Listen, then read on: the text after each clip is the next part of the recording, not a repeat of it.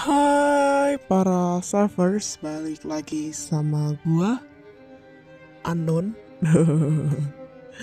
Yap, balik lagi di show Membongkar Fakta ya. Ini konspirasi berdasarkan dari opini subjektif dan juga objektif. Yep. Nah, di sini kita mau ngebahas apa? Nah, di sini kita mau ngebahas tentang Walt Disney. Dan juga ada kaitannya dengan satanik-satanik gitu. Nah, kita mau ngebahas apa sih di sini? Kalian pasti tahu lah ya film-film Walt Disney itu kayak gimana, ya kan? Kadang tuh kayak di luar nalar gitu, kayak misalnya mermaid si Ariel itu seorang mermaid, seorang putri duyung tiba-tiba dia ngejual soulnya ya kan buat jadi seorang manusia gitu. Atau misal kartun kartun-kartun gitu. Kenapa bisa seperti itu? Kayak sihir-sihiran gitu. Um, kayak misalnya uh, Snow White itu disihir gitu-gitu. Kenapa eh, film-film kartun yang harusnya lucu harus dikasih imbuhan-imbuhan seperti itu yang di mana mungkin ini tuh kurang baik buat para anak-anak ya kan karena mungkin dia mikirnya kayak weh ada ilmu sihir lah atau uh, kalau pengen gini-gini harus menjual uh, istilahnya menjual dirinya ke sebuah dukun untuk menjadi sesuatu yang ia inginkan kayak si film Ariel. Nah, kenapa sih kayak gitu? Jadi ini tuh, um, nah dari opini seseorang ini bahwa dikatakan Walt Disney itu itu tuh salah satu dari grup satanik. Grup satanik itu grup apa? Grup satanik itu grup-grup pemuja setan. Iya, jadi emang kekayaan dari Walt Disney ini tuh emang secara tiba-tiba, secara mendadak gitu ya kayak kita nggak pernah tahu riwayat si Walt Disney ini uh, atau foundernya Disney ini seperti apa gitu kan riwayatnya. Tiba-tiba dia langsung tajir melintir gitu. Nah dikabarkan kalau si Walt Disney ini salah satu dari pemuja setan. Pemuja setan yang di mana dia ini menjual soul dia menjual istilahnya jiwa dia yang nantinya tuh dikontrak dengan mungkin perjanjian setan gitu ya di mana dia ini akan dikasihkan uh, harta yang ber, yang istilahnya bergelimang harta gitu loh gitu.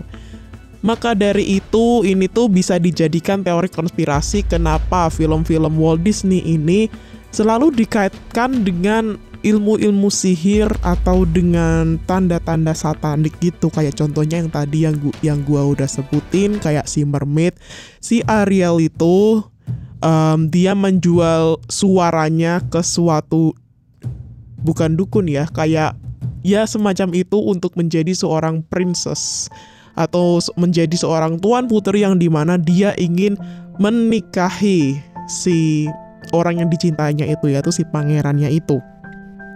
Atau misal kenapa selalu ada yang seperti itu gitu loh? Kenapa enggak istilahnya kartun-kartun yang sebangsa Upin Ipin misal ya gitu Upin Up, Upin Ipin kan dia nggak nggak ada istilahnya cerita yang mungkin untuk anak-anak kecil itu nggak pantas untuk disituin.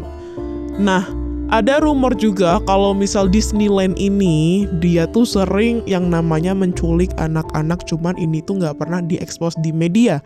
Karena apa? Karena media sudah dibayar sama si Walt Disney. Yes, ini tuh uh, kalian bisa cari teori-teorinya tuh di YouTube gitu ya, di YouTube atau dari artikel-artikel gitu. Tapi terutama ini dibahas pakai bahasa Inggris sih gitu.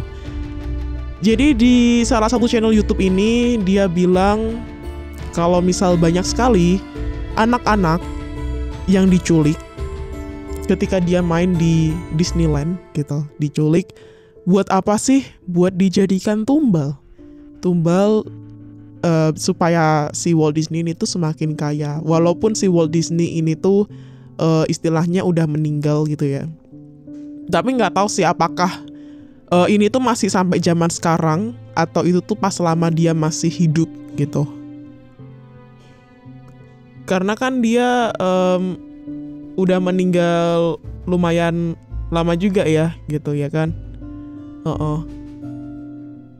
Terus um, kenapa sih anak-anak itu dijadikan tumbal? Karena biasanya memang yang namanya pesugihan, yang namanya satanik, pasti mereka minta tumbal yang di mana nanti tumbal ini itu dijadikan budak dari para setan-setan itu, gitu.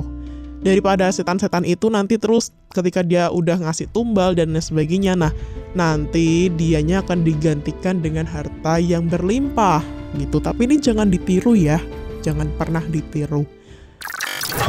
Oh iya, um, pernah loh yang yang kayak misalnya kalian yang film baru-baru ini tau lah ya Frozen gitu kan. Frozen ini tuh juga ada konspirasi teorinya gitu. Tapi ya namanya dia perusahaan gede gitu kan, pasti dia ngecoba buat say no itu nggak benar gitu gitu gitu gitu gitu. Kenapa? Nah, uh, konspirasi mengenai kematian dari si Walt Disney itu tuh di internet banyak.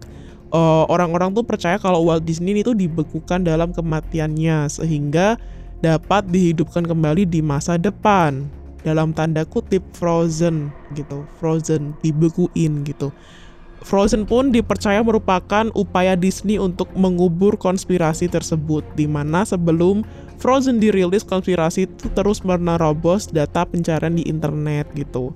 Sebenarnya Disney sendiri tuh emang berusaha keras untuk mempertahankan citra publik untuk Walt dan studionya. Kayak misalnya ngedit rokok dari foto Walt Disney gitu kan, gitu. Seperti itu sih. Sebenarnya kalau dibilang satanik sendiri, satanik itu tuh banyak banget mungkin orang-orang zaman sekarang itu terlalu naif, terlalu munafik kayak masih masih istilahnya kepikiran dengan yang namanya satani-satani gitu. Eh jangan salah loh. Orang-orang yang kontrol dunia ini yang memiliki power, mereka ini sebenarnya itu Illuminati dan Illuminati sering disangkut pautkan dengan satanik, pemuja-pemuja setan, pemuja-pemuja iblis gitu kan.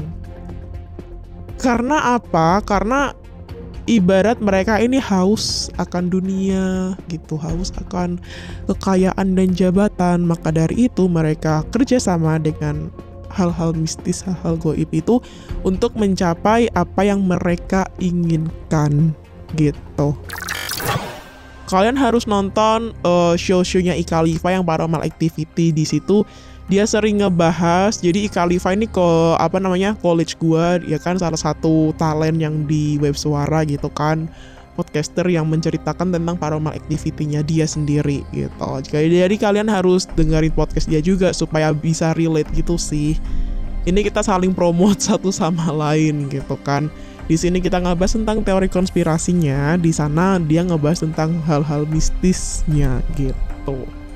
Yes, jadi di situ dulu. Jangan lupa untuk selalu klik like, share, dan subscribe. Dan jangan lupa untuk tonton show-show um, web suara lainnya tetap bersama Web Suara Production. See you gengs in the next episode. Bye-bye!